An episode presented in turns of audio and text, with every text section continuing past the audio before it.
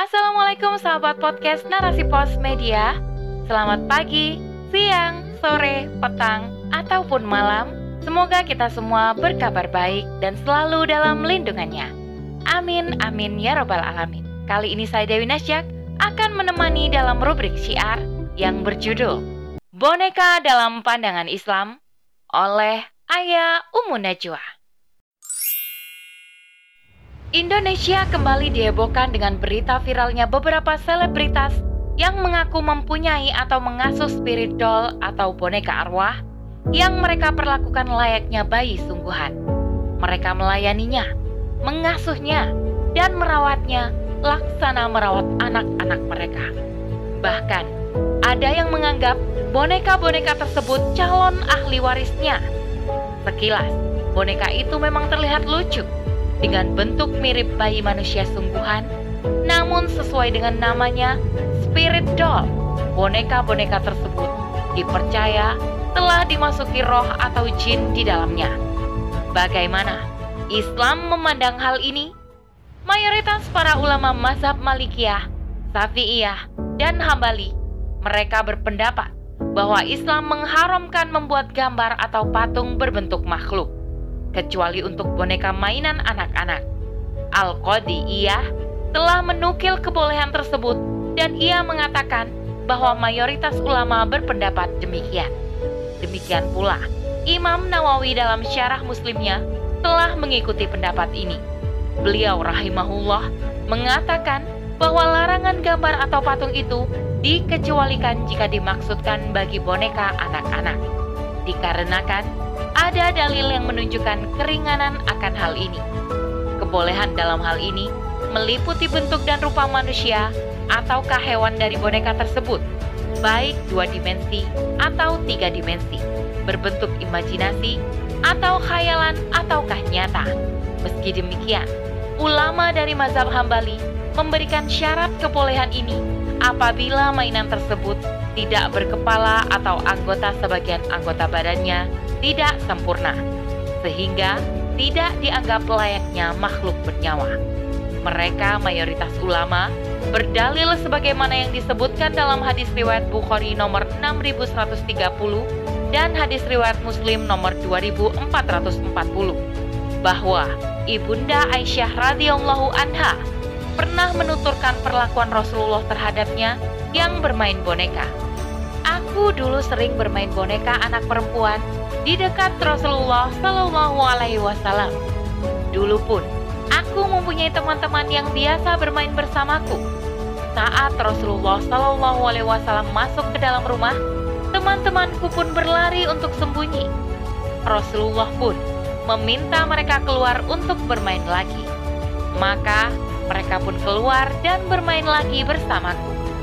Dalam hadis lain riwayat Abu Dawud rahimahullah nomor 4934, hadis ini disahihkan oleh Syekh Albani bahwa Ummul Mukminin Aisyah radhiyallahu anha pernah mengisahkan suatu hari Rasulullah kembali dari perang Tabuk atau perang Khaybar. Sementara di kamar Aisyah terdapat kain penutup.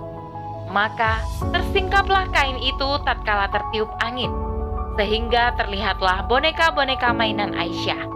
Kemudian beliau Shallallahu Alaihi Wasallam bertanya, wahai Aisyah, apakah ini?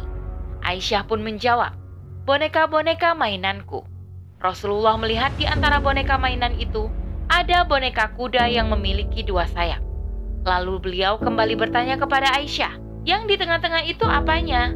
Aisyah menjawab, itu kuda. Beliau bertanya lagi, apa itu yang ada di bagian atasnya? Kedua sayapnya, jawabnya. Nabi berkata lagi, Kuda punya dua sayap? Aisyah menjawab, Tidakkah engkau mendengar bahwa Nabi Sulaiman memiliki kuda yang bersayap? Maka Nabi pun tertawa hingga terlihat-lihat gigi beliau. Imam Ibnu Hajar al-Asqalani rahimahullah dalam kitab Fathul Bari mengatakan, ini adalah dalil yang gamblang bahwa mainan tersebut bukanlah berbentuk manusia. Sedang Imam Al-Khattabi mengatakan, hadis ini menunjukkan bahwa boneka mainan anak-anak perempuan tidak termasuk mainan bergambar atau layaknya makhluk bernyawa yang dilarang dalam hadis. Hal ini Sesungguhnya hanyalah diberikan keringanan hukum bagi Aisyah dengan boneka-boneka mainannya, sebab pada saat itu Aisyah belum masuk usia balik. Mengenai hal ini, Imam Ibnu Hajar al-Asqalani rahimahullah pun mengatakan, masih dalam Fathul Bari, sehubungan dengan adanya pemastian bahwa hal tersebut terjadi ketika Aisyah belum balik. Sesungguhnya, itu merupakan kemungkinan, karena pada saat perang Khaybar terjadi, Aisyah masih berusia sekitar 14 tahun. Sementara saat perang Tabuk, telah dapat dipastikan Aisyah telah menginjak balik. Dengan demikian, Riwayat yang menyebutkan bahwa peristiwa tersebut terjadi sesudah perang Khaybar adalah riwayat yang lebih kuat. Sehingga hal ini dapat disepakati dengan apa yang disebutkan Al-Khotobi sebelumnya dan menghindari adanya pertentangan makna terkait larangan gambar atau patung makhluk bernyawa. Sebelumnya, Imam An-Nawawi Asy-Syafi'i rahimahullah dalam Al-Minhaj mengatakan bahwa Al-Qadi berpendapat bahwa hadis di atas merupakan dalil kebolehan anak-anak bermain dengan boneka. Dalil ini adalah pengkhususan dari dalil terkait gambar makhluk bernyawa yang dilarang. Ia berdalil dengan hadis ini, sehubungan perlunya latihan bagi anak perempuan ketika masih kecil sebagai persiapan kelak mengurusi diri mereka sendiri, rumah tangganya, serta anak-anaknya. Akan tetapi, ia juga menyatakan bahwa sebagian ulama beranggapan bahwa hukum dalam hadis ini telah dimansuk atau telah dihapus oleh hadis tentang larangan gambar makhluk bernyawa. Kesimpulannya, mereka para ulama Syafi'iyah, Malikiyah dan Hambali berpendapat dengan pengecualian itu bahwa mainan atau boneka tersebut dibolehkan sebab dalam rangka pendidikan.